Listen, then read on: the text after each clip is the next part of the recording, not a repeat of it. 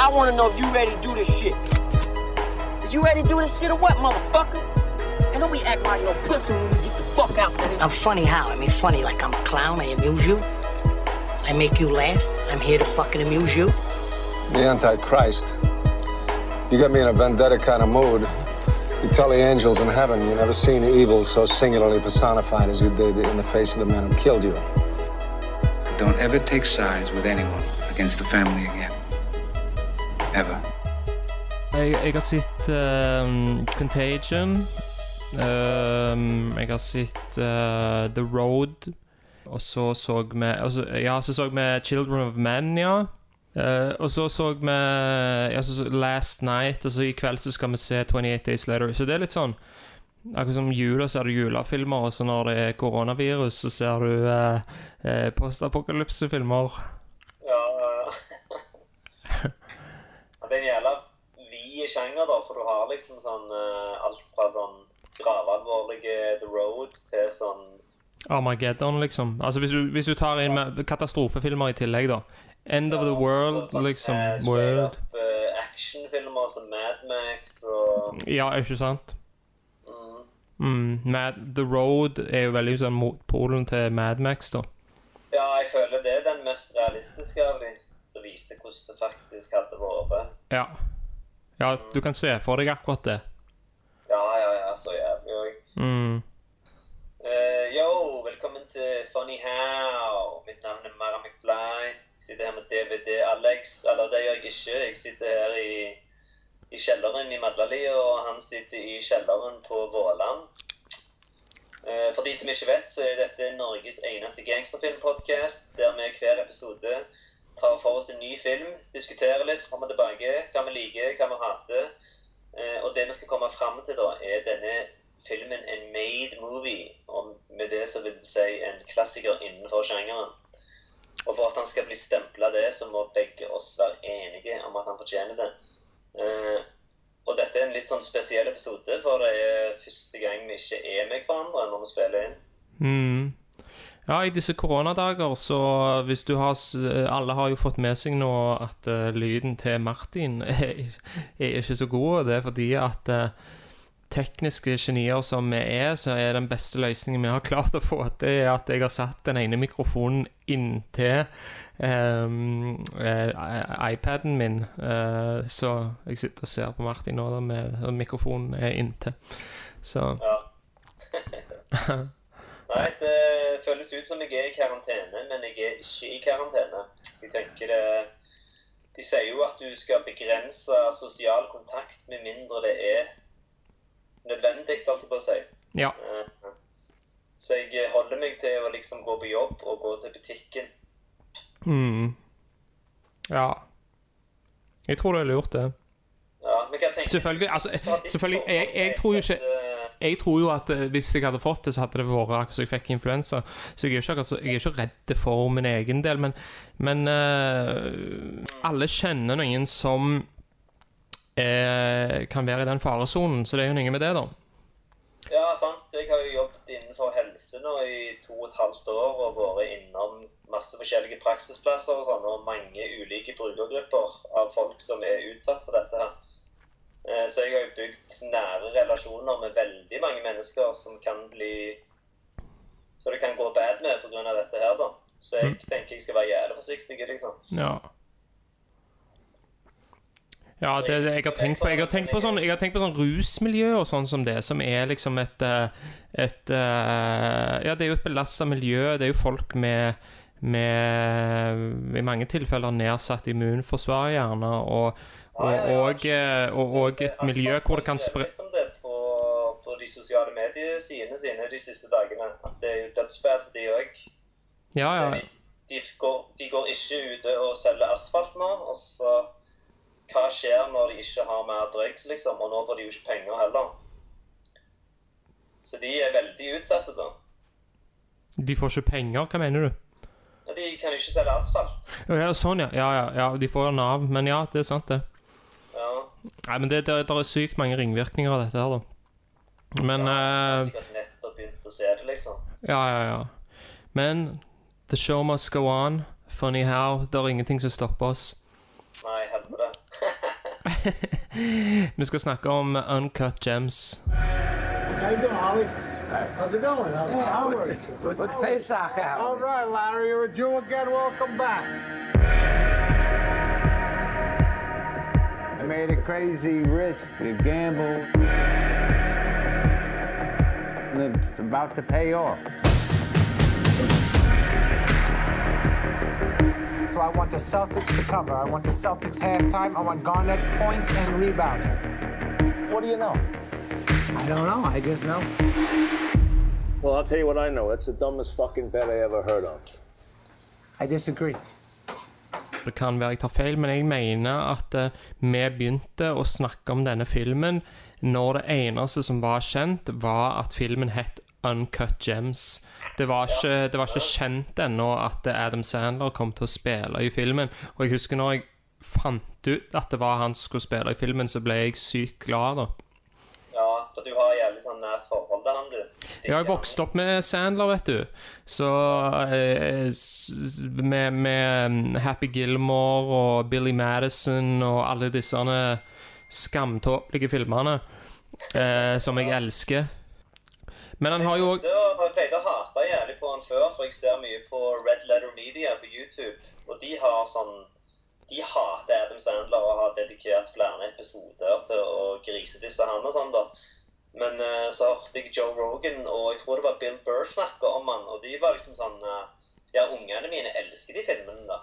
Sant? Uh, og han bare Han holder seg unna søkelyset, og så lager han de teite jævla barnefilmene sine. og så sånn Du fikk liksom et annet perspektiv på det, da. At han setter han seg ned og count the bread. Bra, liksom. Og at det er barnefilmer. Ja, ja, ja. Det er det. Men jeg, kan- jeg, jeg, jeg kan fortsatt se Happy Gilmore og disse filmene her, jeg og le og, og storkose meg. Det kan jo være litt no nostalgifaktor òg i det. Nå tenker jeg på de der med sånn har lagd med Jeg husker ikke hva de heter, da. Der er en der han spiller Jack and Jill, kan det stemme? Han er seg sjøl og søstera si. Ja, den har ikke jeg sett. Ja, også de andre nyere filmene han har lagd, og Altså, de der tingene som er De tingene som er på Netflix, jeg har sett noen få av de, og det er Det er Det er Det er liksom hm? Det er sånn uh, lett payday for ham. Ja, det er helt båsfilmer. Det er helt uh... Men det er kult da at han, eh, at han lager sånn At han kommer og viser at han kan hvis han vil, da. Ja.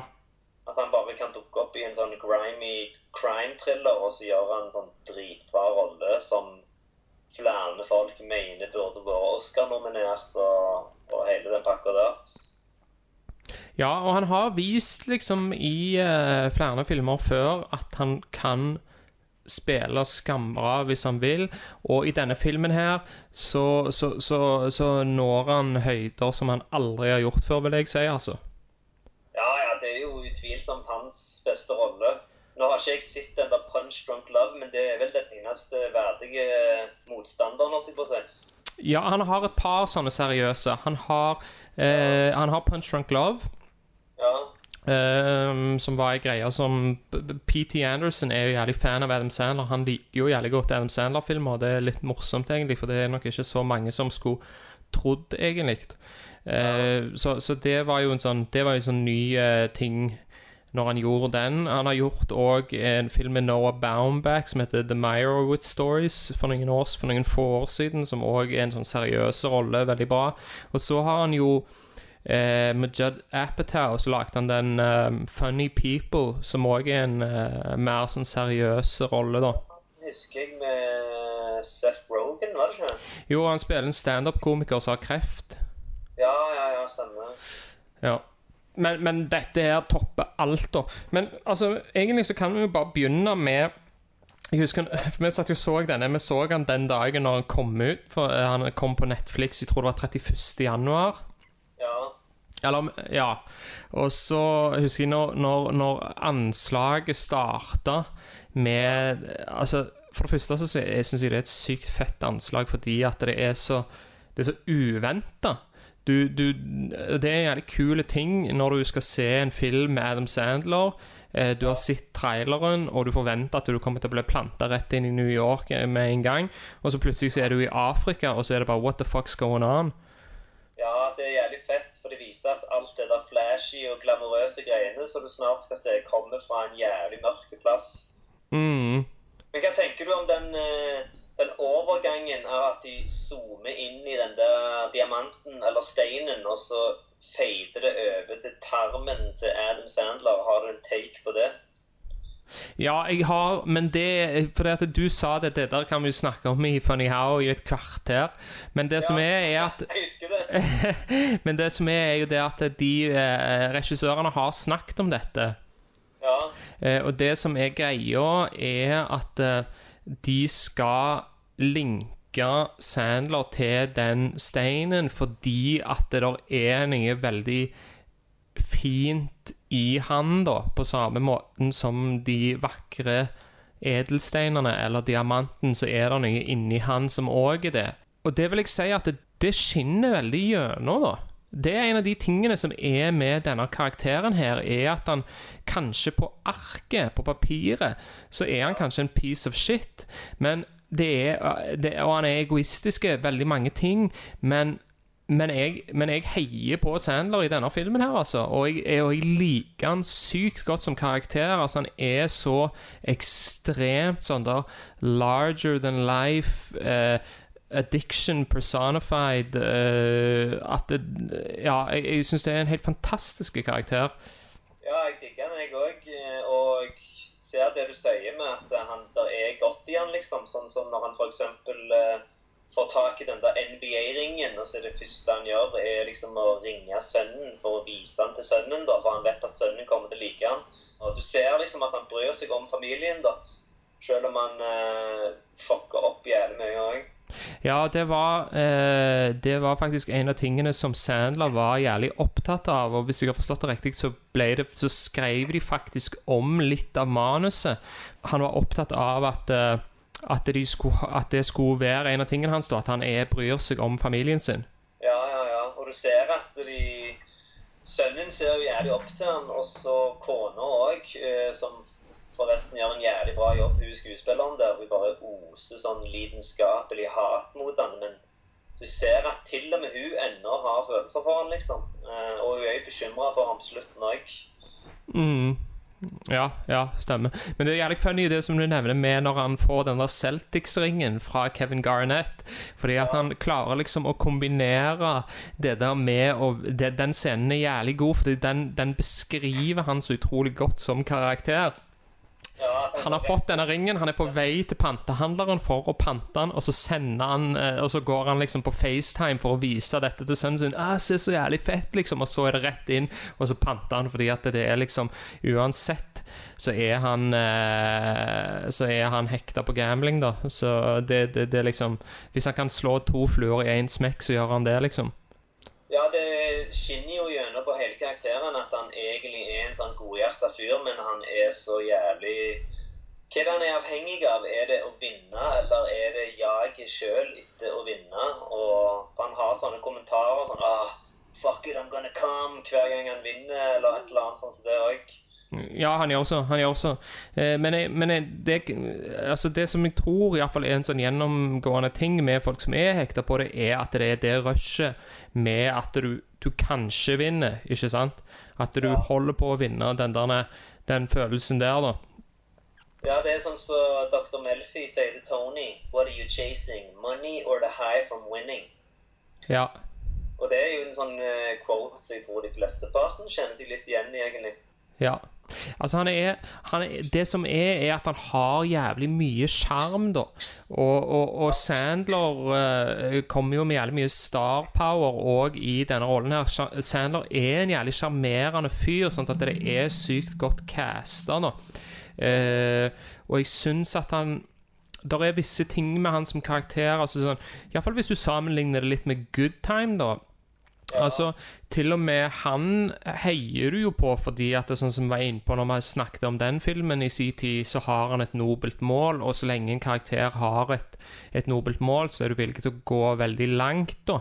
Eh, her jeg eh, vet ikke helt liksom når det gjelder det og hvorvidt han her har et nobelt mål, men der, han er iallfall godhjerta på, på sin måte, da. Og eh, for eksempel dette forholdet som han har til hun Julie syns jeg er, et, er ganske sånn interess en interessant del av filmen, fordi at det er et veldig sånn Det er et veldig fint forhold mellom de. Eh, I motsetning til, til um, Altså Paddinson sin karakter eh, og, og hun eh, Jennifer Jason Lee. Jennifer Jason Lee, det er jo et sånt forhold der han bare sånn totalt utnytter hun, ikke sant? Ja, er bare manipulerende. Men, eh, men, men det forholdet som han har til hun Julie, da, det er veldig sånn ekte, sårbart, fint. Og du, du ser liksom når han sånn Første gangen han treffer henne, han bare legger seg nede i armene på henne, og du ser at han han har et så jævlig sånn rastløs, kaotisk liv, da, at han trenger henne så sinnssykt. For det er en av de, de få scenene i filmen der han roer seg litt ned, er når han er med hun. Ja, og det er òg liksom sånn Det er òg den scenen når han bryter totalt i sammen. Og det er jævlig funny òg, for han er liksom sånn Why can't you be more nice to me? Og sånn Jeg har jo snakket veldig mange ganger før, eller iallfall to-tre ganger før, på denne podcasten her om sånne karakterer så er de fucker deg over, de lyver men samtidig så er de så sjarmerende at de klarer å åle seg tilbake på godsida di. Og det er de beste karakterene som er. Jeg føler alle kjenner en Howard Ratner, og, og det samme med han Demaney sin karakter i den her. Nei, han Keith Stanfield sin karakter, Demaney. Ja. Han føler jeg kjenner, liksom. Sånn han er. Bare sånn Ja, faen, jeg ringer deg i morgen. Og så Ei, faen, du sa du skulle ringe, og så gjør han ikke det. Og så treffer du han, så lar du ikke bli sur på han, for han er så karismatisk, uh, sleipe hustler og Så jeg føler både denne og Good Time det nailer et eller annet sånn uh, autentisk med sånne folk, da. Eh, du hadde en veldig bra kommentar når vi så denne filmen uh, første gang, at det er akkurat som de er på kjøret, men de er ikke på kjøret. ja, men han er jo på sett og vis på kjøret. Good Time-episoden òg, om han Kani. Liksom, er han på speedkjøret? Hva faen er det han holder på med? Men det er akkurat som om alle karakterene i filmene deres har sinnssyk ADHD eller noe. Ja, og så er det det òg, og det er jo et tegn på syns jeg, ganske sånn mesterlig regi. Det er når filmene tar den formen som eh, Altså, filmen har en personlighet sånn som personligheten til hovedkarakteren. Altså, på grunn av at han er så rastløs, og han er sånn som han er, så føles hele filmen sånn. Sånn at det, du får en opplevelse av hvordan det er å være han. Ja, sant. Jeg, jeg googla til og med Uncut Gems ADHD, for jeg ville se om det var en link der. Eh, Så kommer det faktisk opp en artikkel på psychologytoday.com. Så er det en fyr som har skrevet sånn innlegg Mm. om linken mellom ADHD og denne filmen her, da. Eh, Og han mener jo at det er det filmen er, at Howard Ratner har sånn sinnssykt sterk ADHD. Du ser den der impulskontrollen hans, at han aldri tenker langsiktig. Den nyeste ideen er alltid den beste ideen. Så jeg lurer på om det er noe der, da. I både denne og Good Time.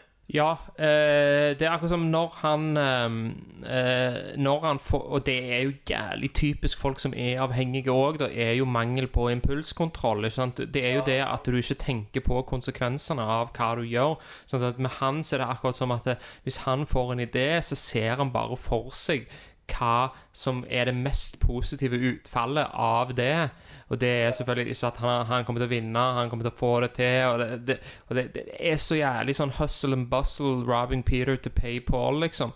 Altså Du har den scenen når han går med Delaney for å hente tilbake den steinen. Og så ser han en basketballbane, så må han bare springe bort og så skyte et skudd. Og på grunn av det så går alt til helvete igjen. Og så har du den han dumper sidechicken sin. Og så går han umiddelbart og prøver å vinne kona tilbake. Og så går ikke det, så tar han sidechicken tilbake. Det er så jævlig sånn Alt som popper opp i hodet hans. Den siste ideen er alltid den beste ideen. Tenker aldri framover. Ja. Om du har sett um, uh, Om du har sett uh, noe særlig uh, Abel Ferrara-filmer. Vi har jo snakket om uh, King of New York eh, i denne. Ja, ja, ja, men jeg husker du drog fram et Du snakket om det i King of New York-episoden, at han hadde en sånn eh, Du òg brukte gjerne med ADHD-snakk her, men du brukte ordet ADHD. At han har en sånn stil som er sånn Altså, her, nå skal jeg vise deg noe fett. Eller vent litt, det er noe fett her borte òg. Og kom og se på det her. Og, og det føler jeg med denne filmen òg, at du liksom browser internett med 37 faner oppe samtidig og prøver å lese alle på likt. Mm. Uh, og det er en jævlig masete film. Når denne kom ut, så promoterte jo jeg dritten ut av den på sosiale medier. og Liksom, fuck, fuck yeah, denne har vi venta lenge på. Og så tror jeg jeg snakket med sånn fire-fem mann som bare ga opp å se han ferdig, for han var så jævlig masete. Jeg, jeg, har, jeg, har, eh, jeg har eh, snakket med flere som syns at den, denne filmen her var kanonstress, og de bare De ble Og super... gidder- Men Jeg gidder ikke å argumentere. Jeg gidder liksom ikke å si Ja, men han skal være masete. Sånn. Det er sånn diskusjon meg, deg og andre filmnerder kan ha. Men når liksom sånn eh, folk som ikke bryr seg så mye om film, sier det, så er det bare sånn Ja, han er jævlig masete. Og så bare lar jeg det ligge der. Ja, ja. Men jeg har òg folk som jeg mener har peiling på film, som, som har sagt det òg. Men, men ikke sant, det er ikke jeg vet ikke, jeg får det noe ut av å, å diskutere det, egentlig. Han minner jo òg om altså Det som var grunnen til at jeg nevner Ferrara, er fordi at han minner veldig om Abel Ferrara, altså selve regissøren. Eh, og det er en film om han som heter Not Guilty. Eh, som er en av mine favorittfilmer. Det handler om eh, de fulle eh, Ferrara i, i to, to netter i New York. Et sånn fransk dokumentarteam. Eh, og han er så jævlig all over the place, nøyaktig sånn som han Howie er i denne filmen her. Det er liksom ah, 'Vi skal bort her, og sånn, og så må vi gjøre sånn', og så plutselig så sitter han og så spiller piano. Sånn som du snakker om at han bare plutselig kaster denne basketballen. Eh, og det som er greia da, er jo det at eh, Abel Farrar var jo, eh, jo heroinmisbruker i ei årrekke, og han var kjent for at filmene hans var totalt kaos. Eh, og, og, og den filmen der syns jeg er så utrolig god med at det, det er en film som handler om avhengighet, uten at det Du får aldri se at Du får se at Abel Farrar drikker, men du får aldri se liksom at han tar stoff. Det er aldri snakk om at han gjør det, men det bare er sånn. Og sånn er det i denne filmen her òg. Altså filmen på sett og vis er liksom litt sånn denne du, du, Han er ikke tydelig Det er ikke noen tydelig moral i denne. Det er akkurat som om filmen ikke har et moralsk kompass, fordi at det, Howie har Det er akkurat som han har ikke det. Sånn at det som skjer, det bare skjer, og så må du vet ikke, ta et skritt tilbake og så prøve å, å, å forstå det sjøl. Men, men, men jeg syns at det er en utrolig god film om avhengighet uten at det er Det blir aldri nevnt. Ikke én gang. Det er jævlig fett, for det, det er jo basically det filmen handler om. Og når du sier sånn film om avhengighet, så tenker du jo egentlig mest på de der uh, rusavhengighet-filmene. Mm. Uh, men så har jo sånn, sånn som denne her, så er gamblingavhengighet, og så har du den Shane med Michael Fassbender, så er sexavhengighet og Ja, men den er mer eksplisitt, da, for å si det sånn. Mellom disse filmene, selv om de er avhengige av forskjellige ting. Men jeg, jeg skulle si shame er mer sånn åpenbar, syns jeg. Ja, Eh, at det er liksom temaet, da. Det er mer oppe i dagen, syns jeg, enn i denne. Ja, ja, ja, ikke sant. Men, um, men, han, men vet du hva man òg minner om? Men det er kanskje mer eh, Det er mer bare eh, Hva skal jeg si, sånn visuelt, eller eh, men, men han minner meg om Lance O'Harris i Training Day. Ja, stemmer. Jeg, jeg har jo, eh, eller vi har jo på filmen i bakgrunnen her når vi har sinket den på likt. Og akkurat når du sa det nå, så kom han springende i den der fete skinnjakken. Han ligner jævlig på han. Han ser ut som en jødisk eh, Lance O'Harris.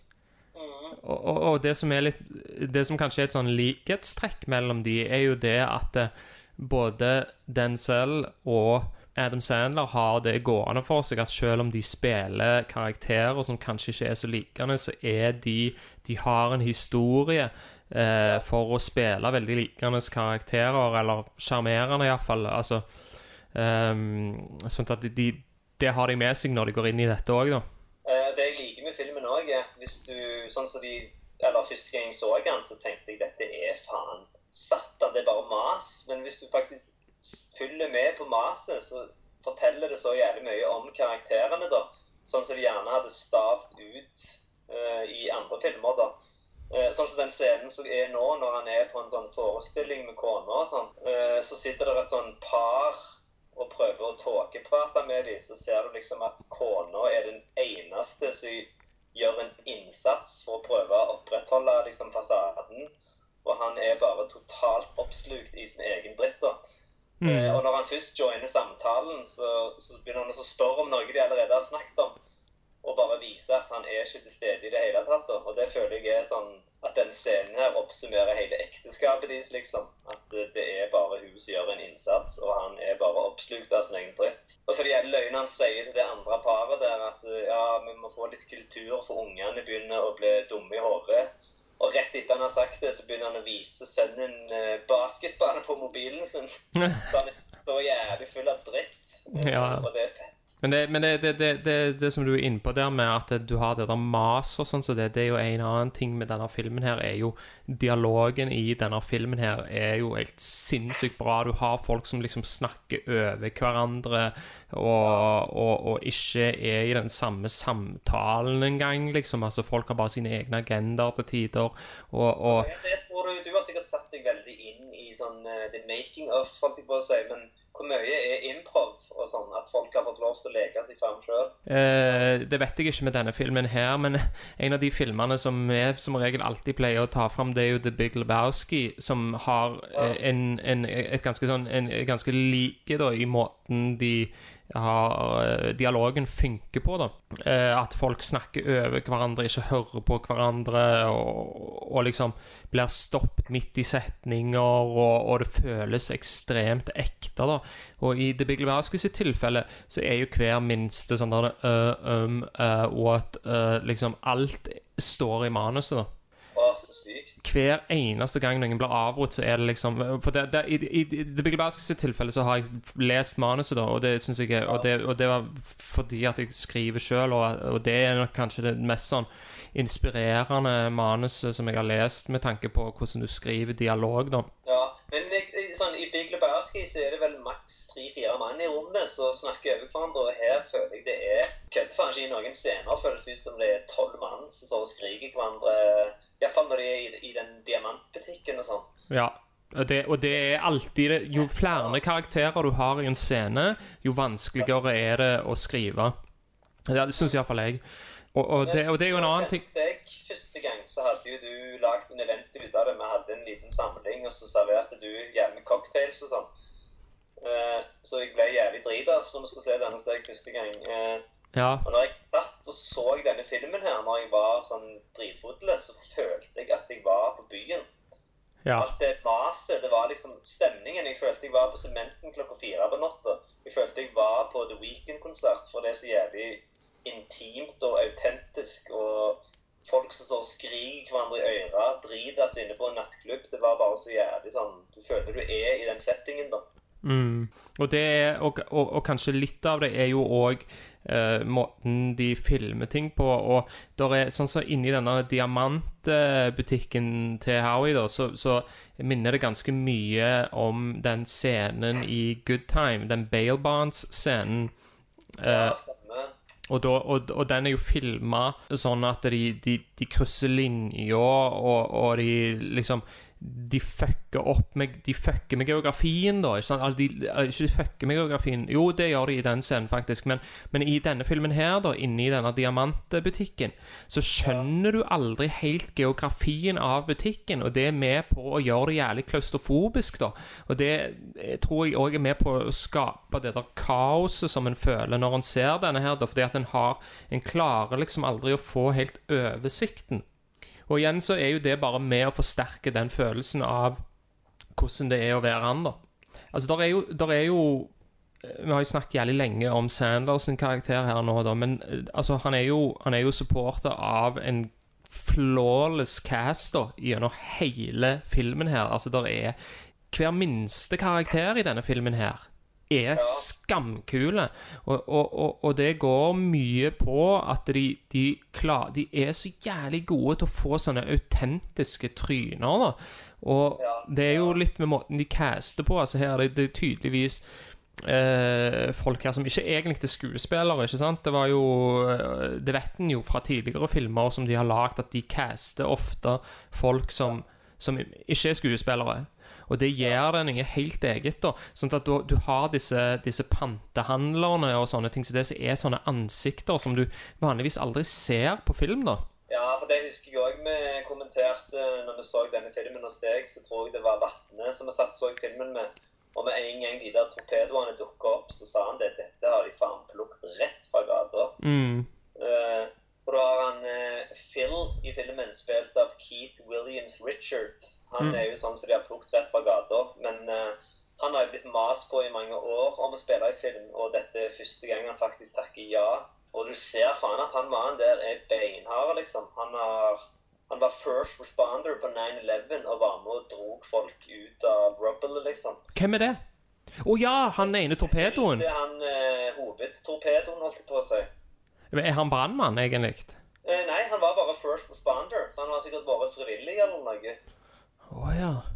Shit. Ja, og så hintet han til han, han sier han vokste opp på Brooklyn, og så når de spør om han kjente til sånn uh, mafiosos og sånn, da, så sier han han trenger ikke snakke om det. Så du ser liksom at uh, både han og så han der partneren hans han springer rundt med, han skalla lille mann, de er faen up to no good. De ser beinharde ut. Ja, ja, ja. Men det, det, det, det, det, er så, det er så mye som er genialt med denne filmen her. Men det som er jævlig kult med den, blant annet det er når det gjelder de, da, er at det jævlig tidlig i filmen så kommer de hangaroundsa til Kevin Garnett, da. Ja. Eh, og bitch-slapper disse torpedoene. Og det det er så jævlig med på å menneskeliggjøre de, da. ikke sant? At de òg ligger unna noen. ikke sant? De er ikke Det er jo litt sånn foreshadowed slutten, for etter han Phil får den bitch-slappen, så ser han på Adam Sandler, og så sier han La oss se hvor mye du ler når jeg spader jord over liket ditt. Så han drapstruer han faktisk ti minutter ut i filmen på samme location som han faktisk ender opp med å drepe han. mm.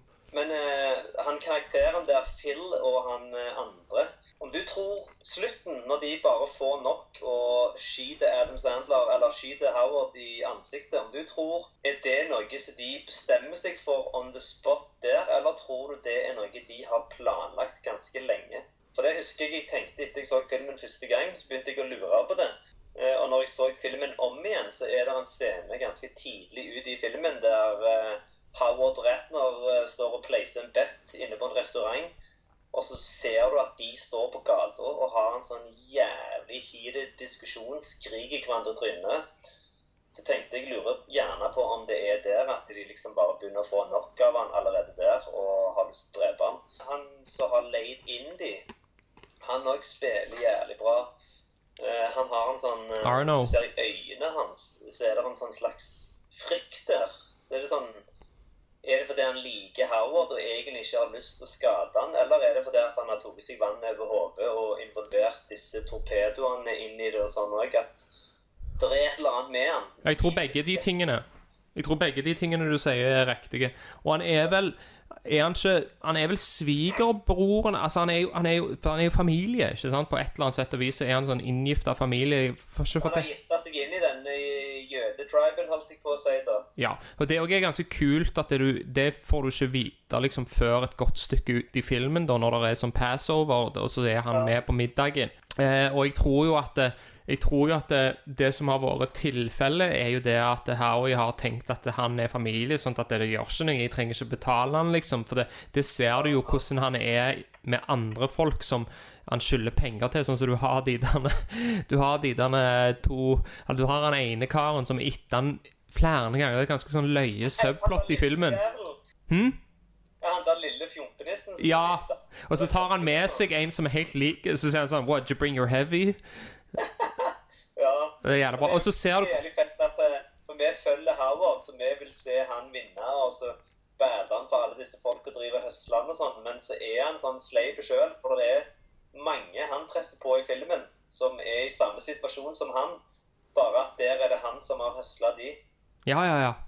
Så, uansett hvor han går, så dukker det opp en fyr som Faen, mann, du skylder meg penger, og helvete! Ja, og du ser, og du ser liksom hvordan han behandler de da som er under han, da. Som han ikke trenger å frykte. Det er liksom Ja, og jeg, og jeg kan se for meg at han har tenkt det samme med han Arno, at han òg er en person som han egentlig ikke trenger å frykte, og så har det kommet tilbake igjen, og så biter han i ræva. Ja, for han Arno er jo egentlig ikke bygd for det livet, og du ser jo når han treffer han alene på familiefest, så tør han jo så vidt se på han. Så han har jo leid inn disse folka her, og, og jeg lurer så jævlig på om eh, Altså, å ha de planlagt det på slutten, for de dreper jo faen han eh, Arno òg. Ja, de gjør snur ikke han seg engang. Han Phil henretter og så står han andre og plundrer og legger smykker oppi i veska. Og så skyter han en fyr i hodet, så snur han ikke, snur seg ikke og ser engang. Så tenker bare sånn Enten har de planlagt det, eller er han bare så jævlig stone cold killer at han snur seg ikke for å se hva som skjer når noen blir skutt i hodet rett bak han, liksom. Ja, nei, jeg vet ikke Jeg, jeg, jeg vet ikke, jeg, altså, hva, hva av hvilken av de tingene det er. Men jeg vet hvilken jeg, jeg, jeg husker den scenen som du snakker om når han er inne i den butikken, og så zoomer kameraet utover på de to som står der utenfor og venter. da. Men uansett om de har planlagt det eller diskutert det eller ikke, så ser du at scenen der han virkelig blir deadstunt, det er når han har en siste sjanse på slutten til å ringe hun Julie til å komme tilbake med pengene, og så legger han på. Ja, Eh, Etter det så ser du bare i øynene til han Phil, når han sitter stengt inne i den der glasskorridoren, at du er død, liksom. Jeg skal faen skyte deg. Så jeg trodde, Første gang jeg så den her, så satt jeg og tenkte sånn OK, dette kan bare slutte på to måter. Enten så klarer han å komme seg ut av det, men så bare fortsetter han å fucke opp. Eller så kommer han til å bli drept. Så jeg så gjerne for meg noe sånn at han der lille fyren med klokkene, eller at det skulle komme fra noe sånn eh, At du ikke skulle se helt hvor det kom fra, da. Men med en gang han la på røret der med Julie på slutten, så tenkte jeg OK, han der Philip kommer til å drepe ham. Det som er kanskje sånn, litt sånn ironisk i det, er at han, eh, han dør på et veldig sånn lykkelig øyeblikk, da. Ja, Altså, han kunne- han kunne dette, er dette en happy ending eller en bad ending? sant? Ja, ikke sant? Fordi at det, han, han dør som lykkelige. Altså, han har nettopp vunnet masse penger, han er helt i ekstase. Eh, han tror at han er untouchable, liksom, i det øyeblikket der, og åpner døra, og så bang, så er det ferdig. Hadde han ikke blitt drept der, så hadde jo alt gått til helvete igjen etterpå, da. Så det er jo bare det der lille øyeblikket der, da. Eh, og han har jo noen av de i løpet av filmen, da. Eh, der han har det har det best, da. Og da går, han går ut på topp, da, hvis du kan si det sånn, da. Ja, så det er liksom sånn For han så er det Det er så happy ending som han kunne fått. Men så klipper de jo til det at uh, sønnen og, og kona er bekymra for han og sånn. Så det er jo Mm. sånn som karakteren i seg sjøl, da. At det, det er andre folk det går utover. Ja, ja, ja. Han skal oppnå det han vil. Eh, det er jævlig fett at de har fått sånn eh, folk til å spille seg sjøl òg her. Eh, The Weeknd eh, som faktisk slåss med han, da. Og det var jo sånn eh, De er jo mad fan av hverandre i virkeligheten, både Adam Sandler og The Weeknd. Så det var jævlig sånn rart for dem å spille inn den slåsskampen, har de sagt i intervju. Oh, ja. Eh, men så òg Kevin Garnett syns jeg eh, Til å være liksom hans første rolle, så syns jeg han spilte dritbra. Ja, ja, ja. Det, der er ikke, der er ikke et falskt øyeblikk i, i, Nei, i jeg kjøper så jævlig at For det, på papiret så ser det jævlig sånn OK, hele plotten er avhengig av at du liksom skal tro at en sånn NBA superstar er litt sånn overtroisk eh, i forhold til denne steinen her og sånn, men eh, jeg kjøper det faktisk. For det vi snakket om tidligere, at det føles liksom ut som alle er sånn uh, på kjøret eller på jag etter noe hele veien, og så at han får den da Å, satan, jeg får låne den av deg', da. Sånn, kjenner deg igjen i det, da? At folk er sånn, eller iallfall sånn folk i de miljøene de skildrer i disse filmene her. Nei, ja, nei han, han spiller jævlig bra, og han, er, og, og han, og han får budd på litt sånn range i den rollen òg. Han har liksom scener der han bare er jævlig kul, og så har han denne scenen, den siste scenen som han har sammen med eh, Howard, der han bare sånn I feel like you're fucking with my mind ever since I came into the shop. Uh, der han liksom bryter litt mer i sammen Ikke bryter sammen, da, men allikevel liksom du, du, Han klarer å få fram forskjellige sider av karakteren, da. Og det syns jeg er jævlig kult. Og han er òg Han gir jo denne steinen her Han gir den magiske krefter, da. Eh, og det er akkurat som om den steinen der Måten han reagerer på han da, det forsterker at denne skal, den skal være redningen for Howard òg i denne filmen, da. Det som jeg syns at denne filmen får sykt godt til, da, det er det at gjennom hele filmen så, så virker det som om han hele tida prøver å kontrollere omgivelsene sine. ikke sant? Han er konstant liksom manipulativ, han lyger, lurer og, og liksom prøver å få kontroll på ting. Men med det så, så, så spinner alt totalt ut av kontroll, da. Ja, det Men avhengig, avhengig handler egentlig ganske mye om å prøve å få kontroll på ting, tror jeg. Jeg tror at det handler jævlig mye om å kontrollere følelser som en har, da. Ja, altså at det å, å ha kontroll i det hele tatt er bare er en illusjon. Og at du kan ha så mye kontroll som du vil, men det kommer alltid til å komme tilfeldigheter i, i denne filmen, da, i form av at Phil ja, Først er det vel tilfeldigheten, eh, eller flaks hvis du vil kalle det det, at døra lukker seg, så han får fanget de inni det glasset. Men så er det den tilfeldigheten da, at Phil kommer og skyter han i ansiktet akkurat når han har fått det han ville ha. Men uh, jeg, jeg syns òg liksom han- Det får fram liksom den der patetiske sida òg, da. Og det er ikke ja. Og det er ikke alltid at, eh, at det er sånne filmer om avhengighet gjør det. Der er jo ofte så blir det jo veldig sånn romantisert, og det er jo helt det er jo helt naturlig at det blir det, fordi at det er jo en, en del av det er jo at en avhengig person rom- romantiserer sin egen avhengighet. Men jeg syns at det er sånn som denne er veldig tidlig i filmen, så kommer disse torpedoene inn. Phil bitch-slapper han når han prøver å gi han vann. Oh, we got spring water. You gotta try this spring water. Og så bare pff, I told you I don't want water. Og så, og så er det liksom sånn Det er bare Han reagerer ikke på det engang. For det, det, det er liksom sånn akkurat det, det, gjør ikke noe for han å fornedre seg fordi at han har hele tida liksom eye on the price, da. Og så òg det der du nevnte, patetisk. eh, Så du har jo den scenen når kona må komme og låse han ut av bagasjerommet. Eh, Men òg helt på slutten, når han eh, får juling og blir kasta ut i en vannfontene. Og det er jo da han virkelig krasjer og hitter rock bottom. Eh, og det jeg føler jeg de nailer om avhengighet, at etter den scenen så tror du gjerne liksom at han begynner å tenke seg om og skal forandre seg og sånn, men så plutselig bare får han en splitter ny joggedress, og så kommer han faen gående, så er han rett tilbake der han starta. ja, ja.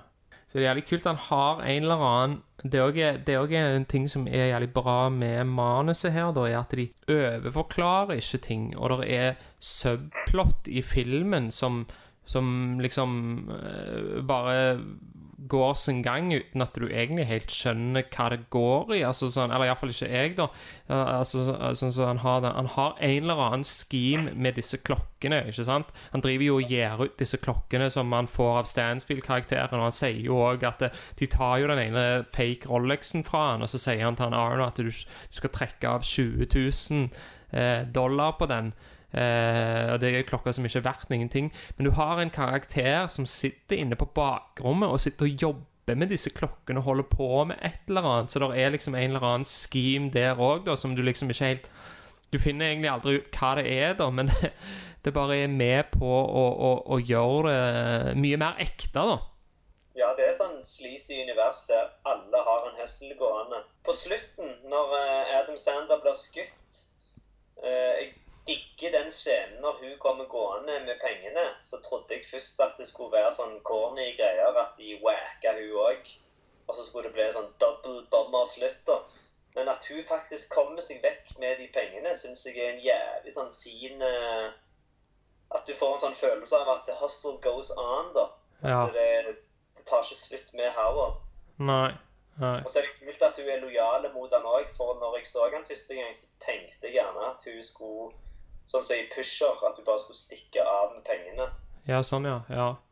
Ja, jeg syns liksom hjertet i filmen er mye i det forholdet mellom de to, da, for at hun er liksom så jævlig glad i han og, og god med han og dette har, jo dette har jo vært en film som eh, Som de begynte å skrive på, altså Safety-brødrene, for ti år siden. Og de har sagt i intervjuer at alt som de har gjort, har vært liksom opp imot De har hele tiden jobbet mot denne filmen her, da. For å lage denne filmen her. Men hadde de, hadde de Adam Sandler i tankene fra starten av? Det er jeg usikker, det er jeg usikker på, men han har iallfall kommet inn ganske tidlig, da. Mhm. uh, og det er, jo det er jo geniale casting. Jeg har liksom lyst til å lage den og den filmen med Adam Sandler, og så får du faen gjort det òg. Men, det, men de har jo òg i løpet av de ti årene Altså, du kan se eh, En kan se en god del av liksom hva som er eh, Hvem som har vært Hvilke regissører som har inspirert de Eh, En kan se John Cassavetes, vi har snakket om han eh, her tidligere med den Gloria. Eh, nå er ikke det liksom sånn det beste av det beste som John Cassavetes har gjort, men, men, men du kan se en god del av han.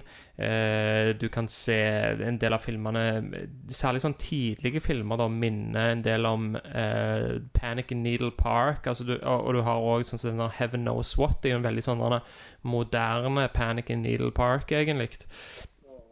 Eh, men det som jeg synes at det, det som har vært den største sånn utviklingen på de Jeg har sett alle filmene deres. Først så så jeg Heaven Knows What for noen år siden, når den kom. Og så har jeg sett de tidligere tingene etter det, da.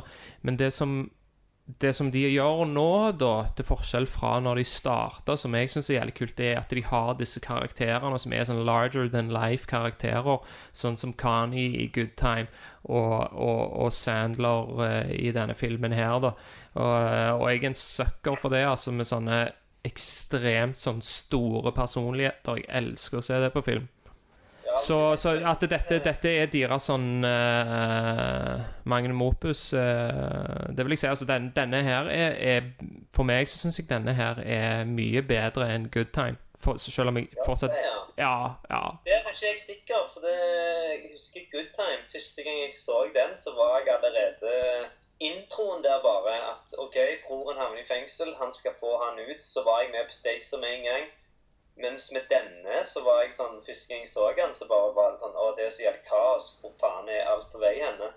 Men så føler jeg jo nå, så jeg har sett hele filmen og vet hvor det er på vei henne, så setter jeg jævlig mye mer pris på han. Men han fengsla meg ikke like mye første gang som Good Time, da, sånn plottmessig. Nei, Ja, OK. De siste 20 minuttene når han placer den siste betten. Ja. Ja, men kanskje, men kanskje det er det som, som er litt med på å gjøre han bedre òg, da. At han er mer utydelig, og at han eh, den personen det handler om, gjør at det er det som er riktig for filmen. Men det er en større film da på alle måter, syns jeg. Ja, ja, ja. Jeg har bare sett den eh, en gang hos deg, og så en gang etterpå til, for å snakke med han på Funny How. Og allerede på den andre gangen så legger jeg merke til så jævlig mye mer ting. Som jeg nevnte tidligere, at hvis du ser inni alt det der jævla maset, så er det så mye karakterutvikling og exposition som de viser istedenfor å fortelle, da. Mm. Ja, for det er veldig lite exposition, egentlig. Det er ingen som, der er ingen som forteller en ingenting. Altså, det er ting som skjer i denne filmen her som en ikke har peiling på hvorfor Altså sånn som for eksempel når hun er på eh, helikopter med han duden og reiser ned til om det er Atlantic City, eller hvor det er eh, Så aner du ikke sånn hvordan i helvete skjedde det, liksom. Men drit i, liksom. Det er bare med på å skape enda mer kaos. Det er liksom Det funker, da. Hele filmen er som helikoptersegmentet i Goodfellas. Og hvor kult er det ikke at de har lagd en hel film som er så jævla hektisk. Ja, det var faktisk eh, det, Der nailer du det jævlig når du sier det, altså. Tredje akt på Goodfellas, det er hele denne filmen her. Ja. Men eh, det høres jo ikke ut som det er noe skjul på at vi synes han er made som faen. Men jeg lar la meg høre konklusjonen din. For meg, når jeg ser denne her, så er det sånn soleklart at dette her er en framtidig klassiker. Kanskje det kommer til å være mer en kultklassiker enn eh, en, eh, en klassiker-klassiker. Men Ja. det er ingen tvil om at denne filmen her Altså, nå hadde vi nettopp en sånn der episode der vi gikk gjennom eh, tiåret. Ja. eh, Og hvis vi fortsatt sitter her og litt mer grå i håret, kanskje litt mindre hår i 2030, så tror Ja. jeg at eh, vi kommer til å trekke fram denne filmen her, altså. Ja, ja, ja. ja. Jeg blir ikke overgitt hvis, hvis denne kanskje er på ei topp ti-liste om ti år, altså. Tingene som Jeg har nevnt de fleste tingene, men det, det som det er det at, eh, at filmen har hele personligheten som hovedkarakteren, det syns jeg er et sinnssykt sånn sterkt regigrep. Uh, hele filmen er ekstremt autentiske. Eh, du føler gjennom hele filmen at det er akkurat som det er bare sånn tau som strammer seg rundt halsen på han, og og på deg som seer. Det er bare den ene dårlige avgjørelsen etter den andre, da i et forsøk på liksom å, å få kontroll igjen, da.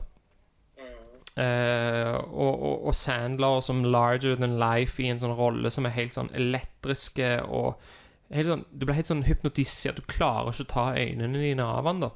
Uh, og en av de bedre eh, filmene om avhengighet som jeg har sett, nettopp fordi at han aldri snakker om at det har noe med avhengighet å gjøre. Så ja, ja. ja som sagt, dette her er, dette er made all the way. Og gritty som faen. Og jeg syns at det som du sa, med, med at det er akkurat som tredjeakten på Goodfellas, det er jo ja, sykt fett, da. Ja, jeg er enig i at uh, jeg føler alle har en liten Howard Ratner i seg. Alle vet hvordan det er å være så jævlig oppslukt av en ting at alt annet bare blir bakgrunnsstøy. Uh, alle vet hvordan det er å prøve å sjonglere tusen baller på likt. og så er alle avhengige av et eller annet. Internettshopping, porno, alkohol, gambling, TV-spill, sigg. Som alle har Alle kjenner seg litt igjen i den der eh, oppførselen hans, føler jeg. Så jeg føler den filmen der nailer det å være en person noe jævlig. da. Mm. så jeg slenger meg på meg, deg òg. Så er vi litt tidlige ute. Ja, men det var jo sånn med Good Time òg. Denne er litt for ny til å bli stempla som en klassiker, men Funny House skal være litt ahead of the curve. Ja, ja. Men nå er det sikkert nok folk som allerede har stempla denne classic. og han har jo fått jævlig bra kritikk. og sånn. Jeg skulle bare ønske at uh, Sandler hadde vunnet Oscar, jeg. Ja, Ja, men han vant ikke det. Så skrev han sånn tweet om det at uh, Nei, jeg vant ikke Oscar, men uh, Mama vant Oscar. Så tror jeg han mener hun som spiller mora hans i Clint Eastwood-filmen. Er. Ja, hun spiller hun? Ja, hun spiller i uh, Richard Jewell. Som for øvrig er en jævlig bra film, det òg.